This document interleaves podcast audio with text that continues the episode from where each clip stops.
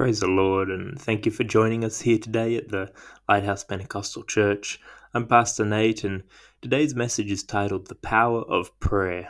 And Brother Corey preaches and teaches to us uh, the importance, not only the importance of prayer, but how powerful and uh, impactful and effective and efficient uh, prayer is in our life and in our walk and relationship with God. Thank you for joining us again today. Let's turn to the Word.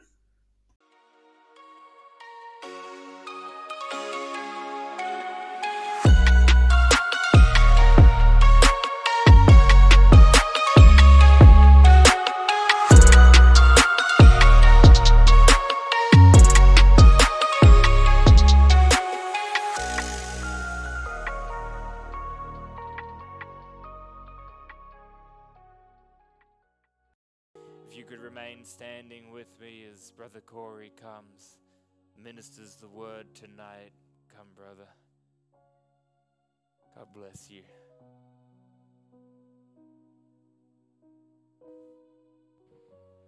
Praise the Lord. It's so great to see you all here this evening and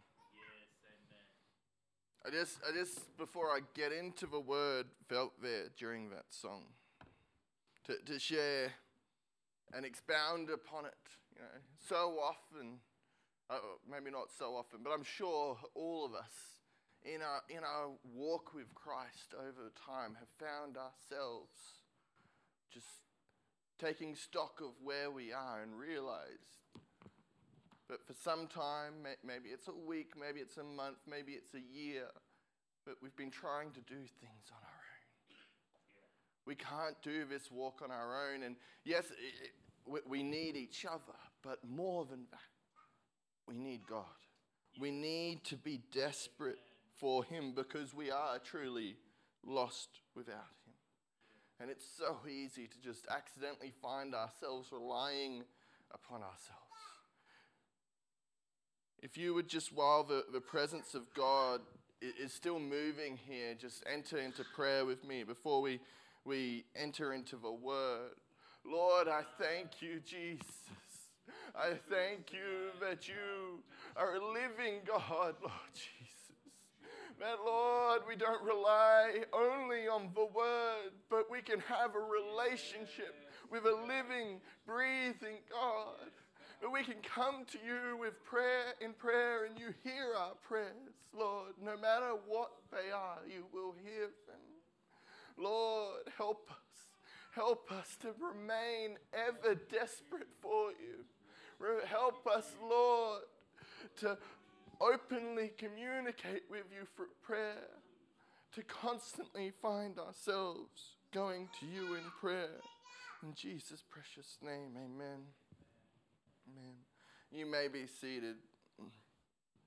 Normally, I'd open with a scripture, but Tonight, I just feel to let you know straight away what the topic is. Tonight, I'm going to be speaking to you, preaching to you about the topic of the power of prayer. See, power, prayer is powerful. It is more powerful than the, the strongest man, you know. My, my brother is a bit of a gym junkie, you know. He, he likes to go to the gym. He's pretty big. But prayer is more powerful than him no matter how many times he goes to a gym. Prayer is more powerful than weapons, than knives and guns, than nuclear bombs. Prayer is more powerful than governments. Prayer is more powerful than kings and armies. You see, all of those things have power over physical things. But prayer is what touches the spiritual.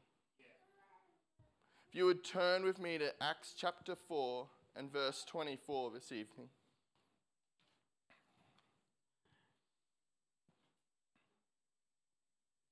The context of this passage is that Peter and John have just been brought before the Jewish leaders. They've been led away because one person said, Look, we can't really do anything against these guys because they're, they're popular. But they charged them when they let them go and said, No more shall you teach or preach in the name of Jesus. Don't use that name anymore.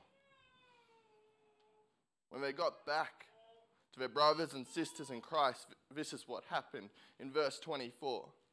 And when they heard that, they lifted up their voices to God with one accord. That means that they were all in unity. They were all praying the same thing with the same heart. And said, Lord, thou art God, which hast made heaven and earth and the sea and all that in them is. They started with praise, as we so often try to do. Who by the mouth of thy servant David has said, Why did the heathen rage and the people imagine vain things? They're praying scripture here. That's from the Psalms. And the kings of the earth stood up, and the rulers were gathered together against the Lord and against his Christ. For of a truth, against thy holy child Jesus, whom thou hast anointed, both Herod and Pontius Pilate, with the Gentiles and with the people of Israel, were gathered together for to do whatsoever thy hand and thy counsel determined before to do. They were just telling God here of the situation. They're recounting what God had done, but what had happened to Christ, the forces that were working against them. But it's important to note here, just the last little bit we read, they recognized that despite all of the things that these men did, the rulers of Israel, the people of Israel, Pontus, Pontius, they all thought they were going against the will of God. But the apostles knew that what they did was actually God's will. And now, Lord, behold their threatenings. They're threatening us now. And grant unto thy servants that with all boldness they may speak thy word. They're saying, Give us boldness that we'll continue to speak your word.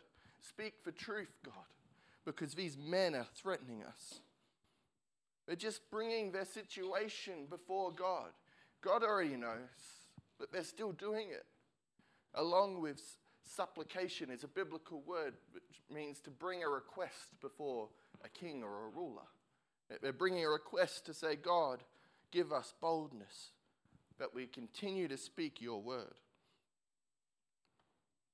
By stretching forth thine hand to heal, and that signs and wonders may be done by the name of thy holy child Jesus.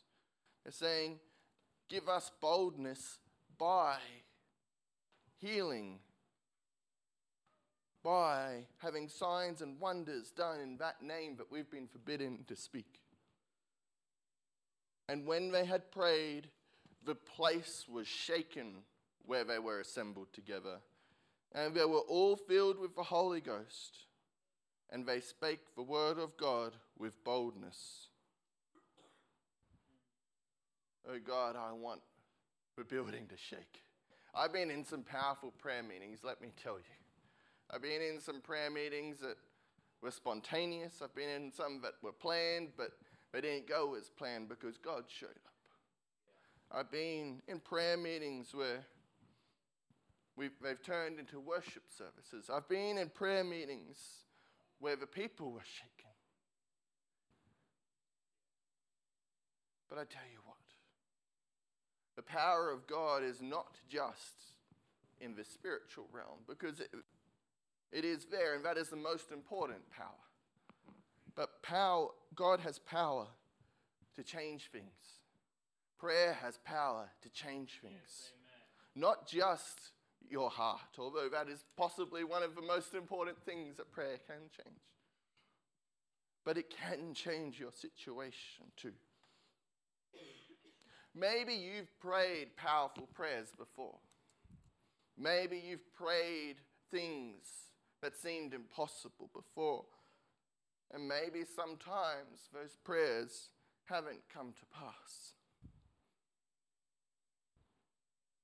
But let's look at Jesus' teaching on prayer.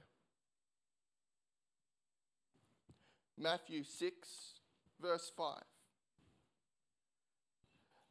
And when thou prayest, thou shalt not be as the hypocrites are. For they love to pray standing in the synagogues and in the corners of the street, that they may be seen of men. Verily I say unto you, they have their reward.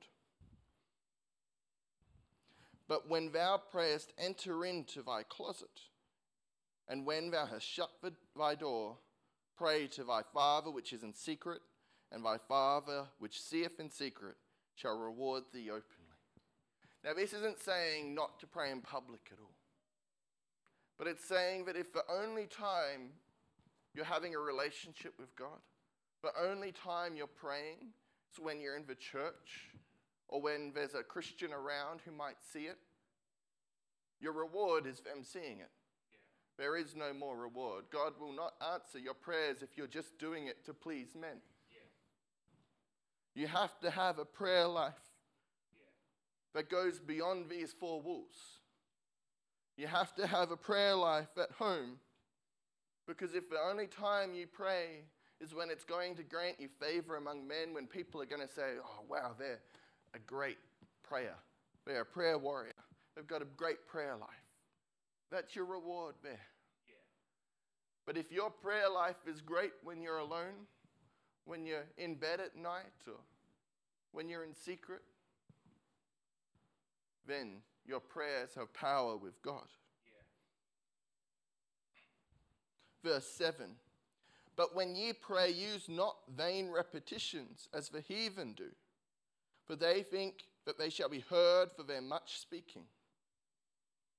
Be not ye therefore like unto them, for your Father knoweth what things ye have need of before ye ask him. There's two points here I want to bring out.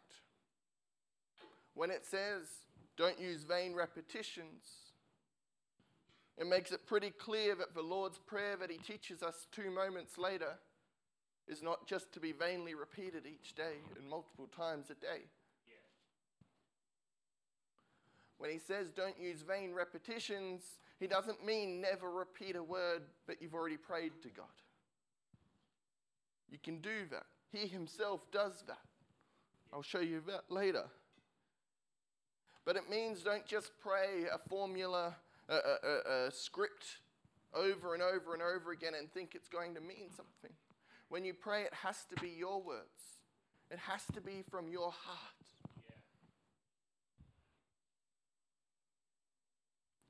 But here he also says that he knows what we need before we ask for it. But when he teaches the Lord's Prayer moments later, he tells us to ask for our daily bread. You still need to ask even though he knows. But you don't have to repeat it every 10 seconds and hope that he's going to hear it. Because when you pray, God hears you. Yeah, After this manner, therefore, pray. Which sort of means like after this pattern. Use this pattern to pray. Our Father, which art in heaven, hallowed be thy name. He's praising there. Hallowed be thy name. Holy is your name. He's worshipping God to open the prayer. Thy kingdom come, thy will be done in earth as it is in heaven. He's saying, whatever your will is, God, just as your will reigns supreme in heaven, may it reign supreme here in earth. Give us this day our daily bread. Bring your supplications, your needs before God. Tell Him the things you need, the things that are troubling you. Give, uh, sorry, and forgive us our debts as we forgive our debtors. Asking for forgiveness. Forgiveness for whatever's transpired since you've last had prayer. It's important.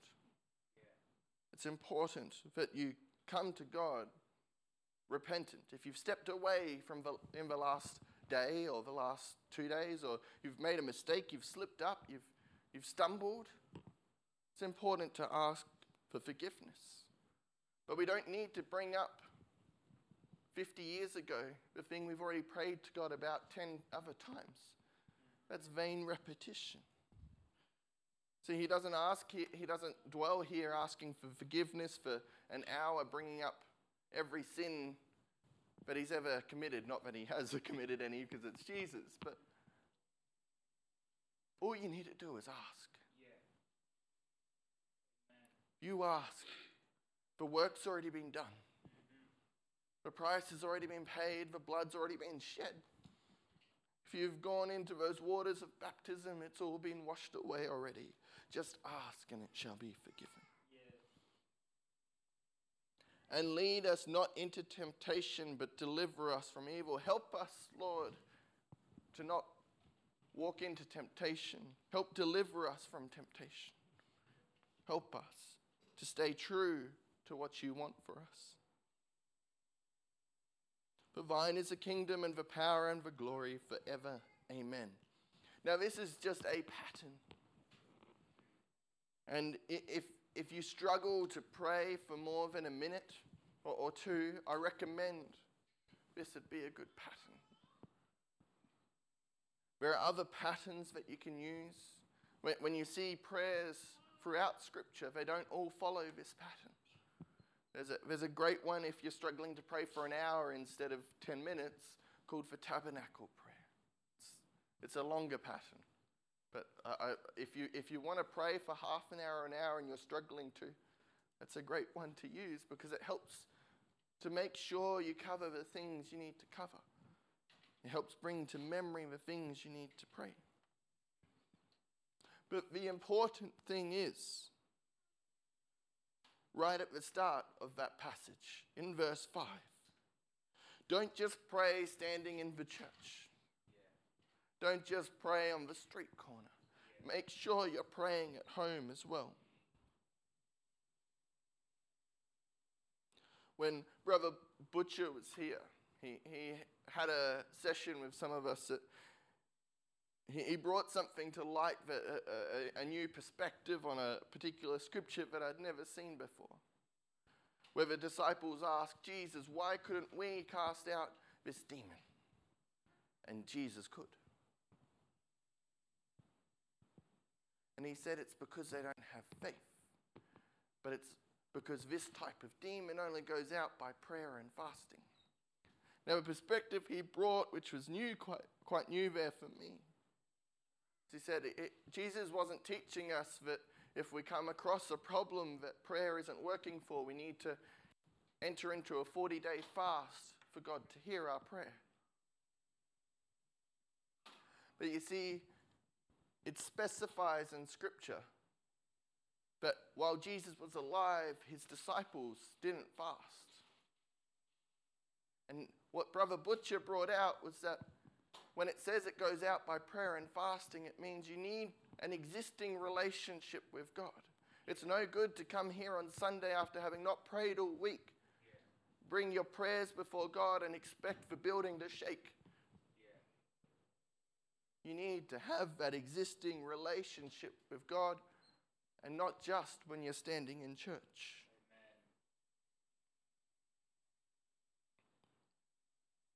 See, your prayers will be a lot more powerful if your relationship with God is stronger. Your prayers will be a lot more powerful if you're not trying to find your way around in His throne room when you enter there. If you're no stranger to Him if you're used to being in His presence, your prayers will be a lot more powerful. Your prayers will have more faith behind them, and they'll be effectual. I want to encourage you tonight to pray for the small things. As Jesus told his disciples, it was because of their lack of faith that the demon didn't come out. Do you want more faith? Other than a closer relationship with God, another thing you can do is to pray for the small things. I can't tell you how many times I've prayed for my lost keys or lost this or lost that. And somehow after that prayer, they turn up in a place I've already looked. I can't tell you how many times I've prayed because I'm feeling a little queasy in my stomach because I've had some stomach problems in the past. And, and I need to do something. I need to be somewhere. I need to worship God, and all I can think about is how sick I feel. And I bring that prayer to God. I, I just feel a little bit unwell right now. God, can you make me better? And He does. See, as God starts answering your smaller prayers, your faith increases. As, you're, as you become used to God answering your prayers, suddenly asking for the world won't seem like so much. When you pray for the small things and you realize that your God cares about even those small things and has power to change your situation in the small things, suddenly it won't be such a stretch to ask for the big things. In James, there is further teaching on prayer in chapter 5, verse 13. Is any among you afflicted? Let him pray. Have you got some sort of problem that's afflicting you? It's, that could be health, it could be finances, it could be trouble with someone. Let him pray. Is any merry? Let him sing psalms. Is any sick among you? Let him call for the elders of the church and let them pray over him, anointing him with oil in the name of the Lord. And the prayer of faith shall save the sick, and the Lord shall raise him up. And if he have committed sins, they shall be forgiven him. Confess your faults one to another. Tell each other about your struggles and your faults. And pray one for another that ye may be healed. The effectual, fervent prayer of a righteous man availeth much.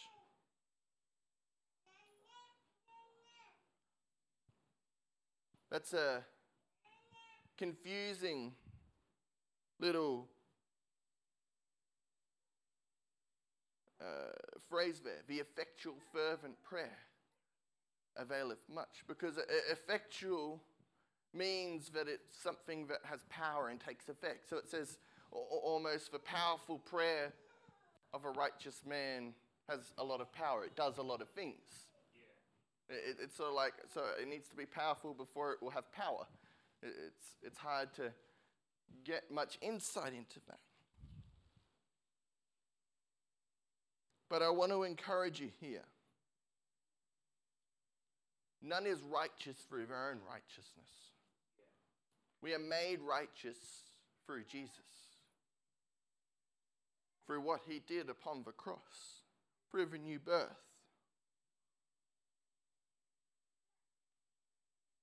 And that effectiveness of our prayer, that power for our prayer, it comes from faith and a relationship with God. James goes on to say that Elias was a man subject to like passions as we are. He's a man just like us. And he prayed earnestly that it might not rain. And it rained not on the earth for, by the space of three years and six months. And he prayed again, and the heavens gave rain, and the earth brought forth her fruit. You, you might hear sometimes people saying that they've got the spirit of Elijah. Uh, I don't know where that phrase really comes from. I don't know why someone would desire to have the spirit of Elijah, because Elijah was a man just like us, except for one difference. See, I don't have the spirit of Elijah, but I have the spirit of Christ in me. If Elijah can bring down fire from heaven, he can shut up the skies so it doesn't rain, or he can bring rain back to the earth through prayer. How much more can someone who has the Holy Ghost, has the Spirit of God, do these things? See, in James, I want to bring, highlight something throughout this passage. They prayed just about over everything. He tells them to pray over this and to pray over that, to pray over the other, and in this situation, don't forget to pray. He's not saying that these are the only things that you can pray about. But what is clear here is that prayer is very important. What is clear here is that prayer is powerful.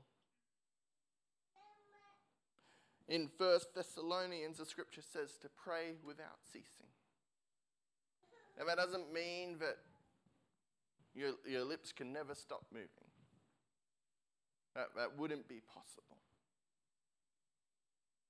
But it does mean that we can always be in communication with God. We can always be in communion with God. We can always be in His presence. It doesn't always have to be a, spoken word or even a formulated thought.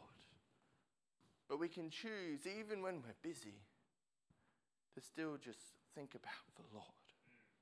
It also means that we shouldn't be spending a week without praying.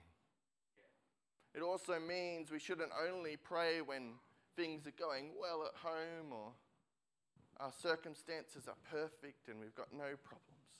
It also doesn't mean it means that we, we shouldn't only be praying when we do have problems.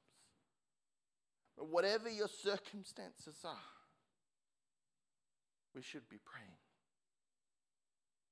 Because prayer isn't just about power, prayer is about relationship with God.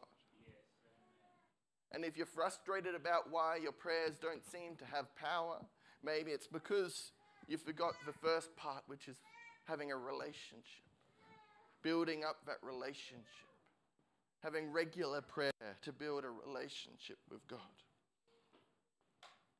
I spend every day of my life with my wife. I, I, I don't know if we've spent any nights apart. We have.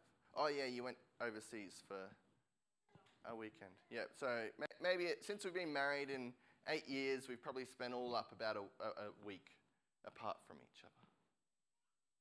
Now, if I ask my wife to do something for me, it's going to avail much. She's going to do it because I've got a relationship with her. And she's willing to do things for me because of that. She's willing to put herself out a little bit because we've got a relationship. Now, if I walk out onto the street there and find a, a, a, random stranger walking past and ask them to do a favor for me, ask them to lend me some money, ask them to drop me off on the other side of town, there's a pretty good chance they won't because we don't have a relationship. But if I ask someone here that I have a relationship with, they probably will be willing to. My request is effectual with someone I have a relationship with.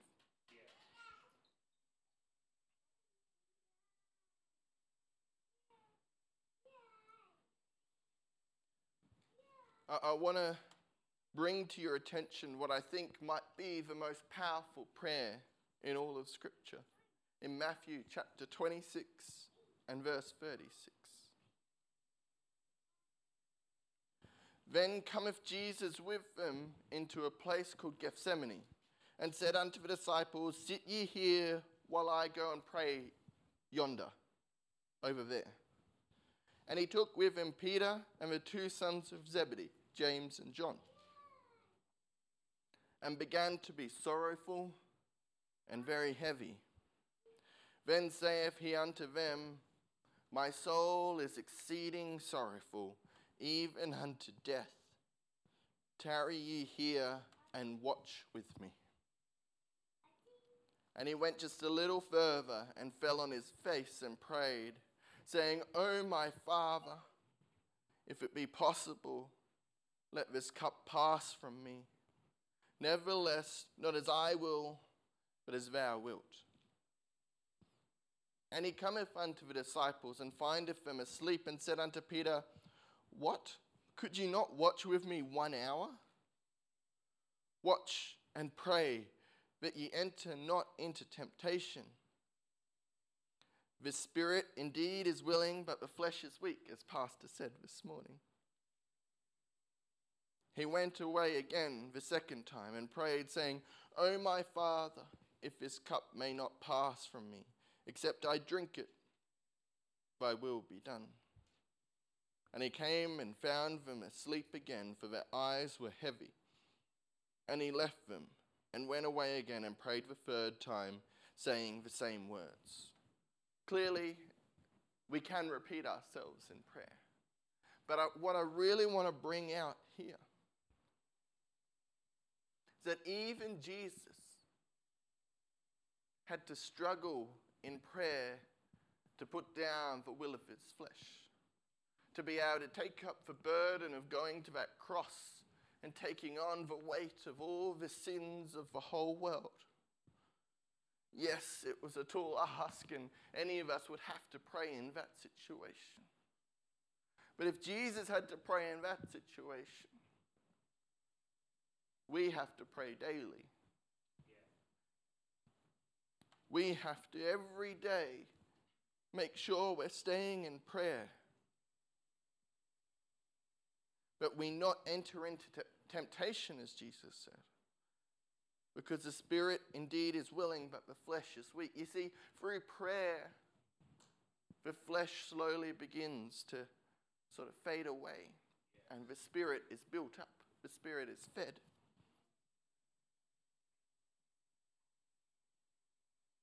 If maybe you doubt that this was a, a, a, true struggle for Jesus, maybe he was just doing it as an example. We see the account in Luke where it says, And there appeared an angel unto him from heaven, strengthening him. And being in agony, he prayed more earnestly, and his sweat was as it were great drops of blood falling down to the ground. That is the power of this prayer to overcome his flesh rebelling against this. His flesh did not want to go to the cross. The scripture says that Jesus was tempted as we are in everything. His flesh did not want to go to that cross. And he had to spend over an hour in prayer, strengthened by an angel, praying earnestly, sweating blood while he prayed his flesh would not overcome the spirit and that he would continue with God's will onto that cross. If Jesus had to do it, how much more do we have to? I, have once found myself in a situation where uh, I was so exhausted after a, a, a conference that we had up in Townsville. Know, I'd, I'd helped quite a lot with running the conference, sort of opening and closing the venue and setting it up every and packing it up sort of every service that we had. I think we had six services over the weekend, and I was spent beyond myself at the end of it. I couldn't even walk. And I had to get some of my brothers to carry me into, from the car into the house, into the office, where I just laid there and wept before God and prayed what words I could manage, which were not much. This is nothing in comparison to what God went through in, this, in the Garden of Gethsemane, what Jesus went through there. But I want to highlight as an example that it can happen for us because you see, in that office, I don't know how long I was praying, maybe half an hour, probably less. God took away that exhaustion in an instant. That exhaustion that was emotional, physical, and spiritual, I was spent. As our pastor said, be wary of being weary because weariness doesn't just affect your body, it, it, it started to affect my spirit as well. It started to affect my emotions where I was just weeping, not because anyone hurt me or upset me or I was sad, but because I was exhausted. Yeah. And yet, in a space of praying for 20 minutes, God changed instantly. I came bounding out of the room and having great fellowship with all my brothers up in Townsville. all the youth there. It, it was an amazing night. But I started in that place. I, I just want to highlight that if you bring things to God in prayer, God will answer.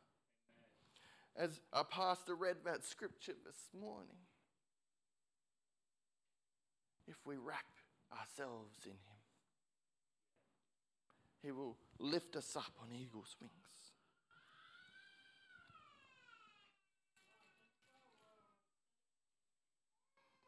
God didn't just start answering prayers in the New Testament either.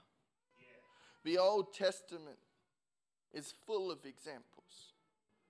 We see in the book of Daniel in chapter 6 that, that his rivals, those in the kingdom that had similar positions to him and wanted to bring Daniel down because he was doing better than anyone, they, they, they tricked the king into outlawing anyone making a request of any man or God for 30 days so they could catch Daniel out because they knew this man of faith would not stop praying.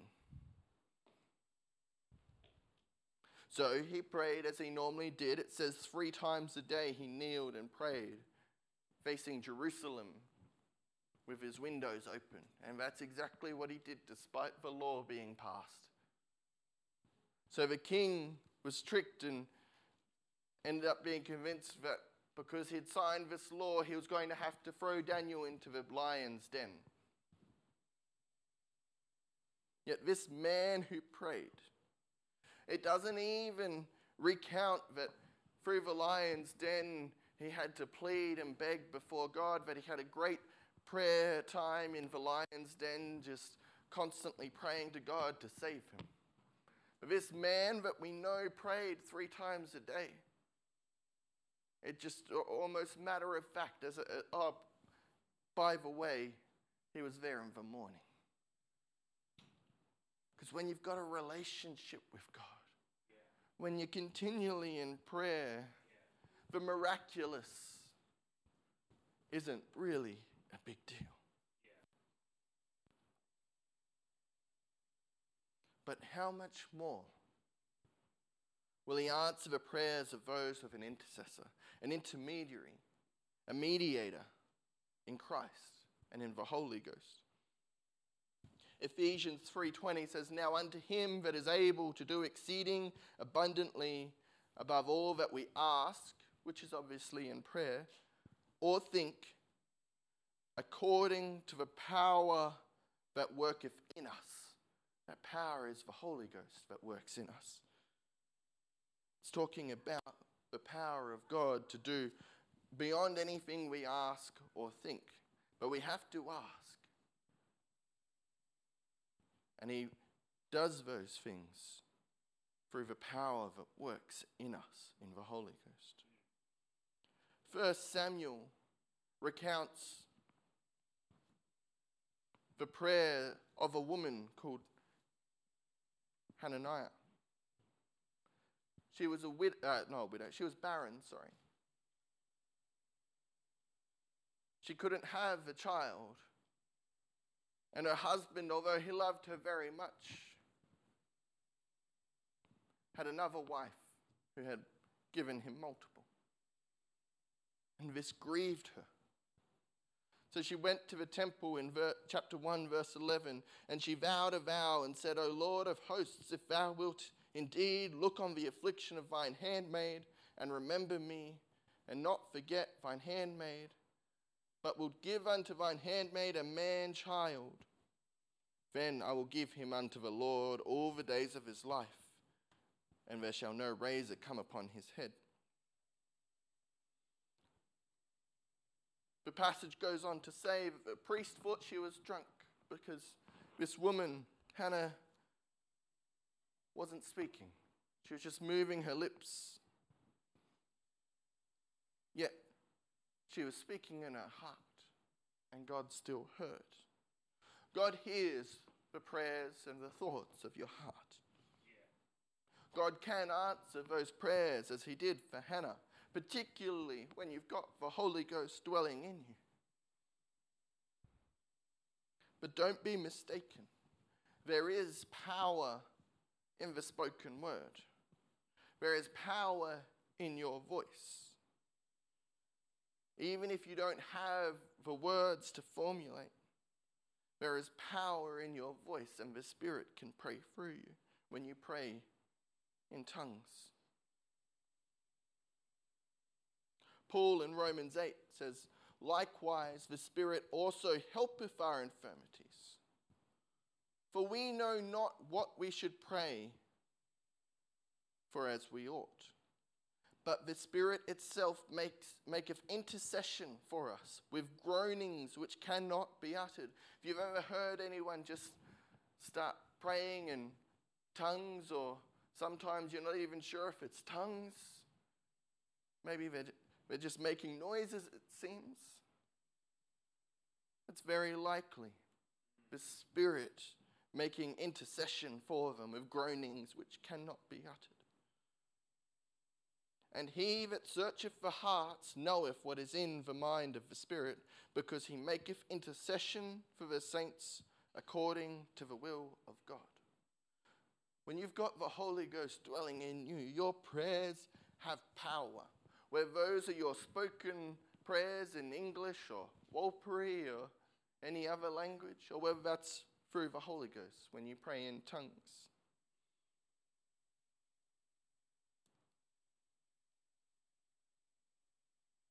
Paul says that he thanks my God, I thank my God I speak with tongues more than ye ill.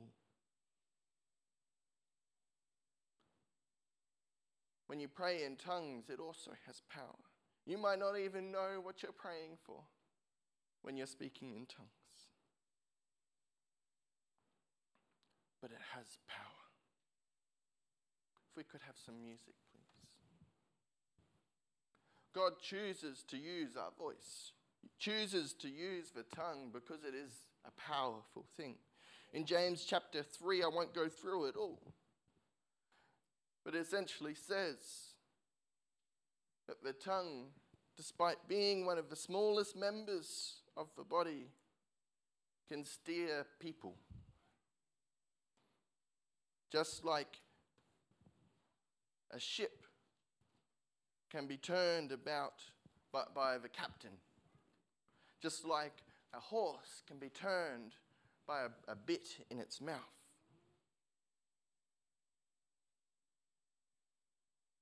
The tongue, it says, no man can tame. It's an unruly evil, full of deadly poison. But God can tame it. That's when we get the, why when we get the Holy Ghost, we speak in tongues. Isaiah in chapter 6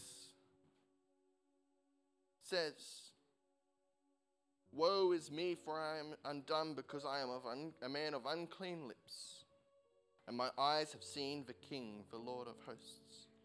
So a seraphim flies over to him and puts a hot coal into his mouth, onto his lips, and says, Thine iniquity is taken away and thy sin purged. Our tongues can be used for evil those two passages of, I won't go through them in full detail. You can read them for yourself Isaiah 6 and James 3. Pretty much say that the natural state of our tongues, mostly what our voices are used for in nature, is evil, is destruction, is corruption. But when we get the Holy Ghost, all of that changes.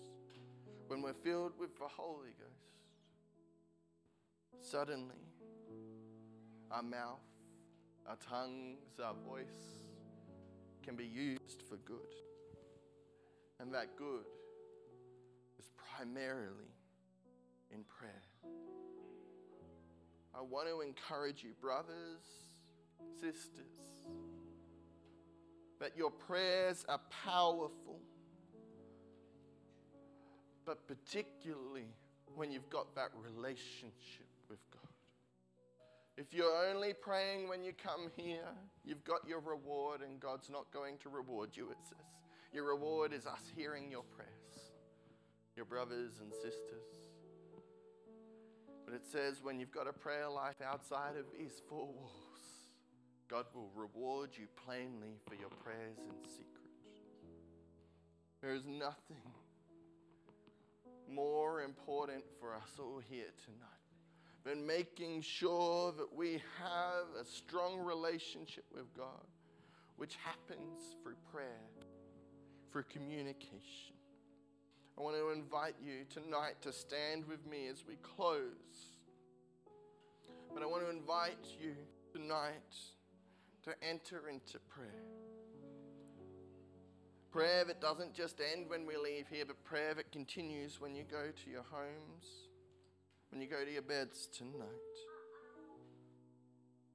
Whether you need to tell God about a situation you're going through, whether you want to praise God in prayer, whether you need to ask a request of God, whether you need healing or your situation to change, or your heart to change, or your, your flesh to be brought low so that your spirit can be strengthened.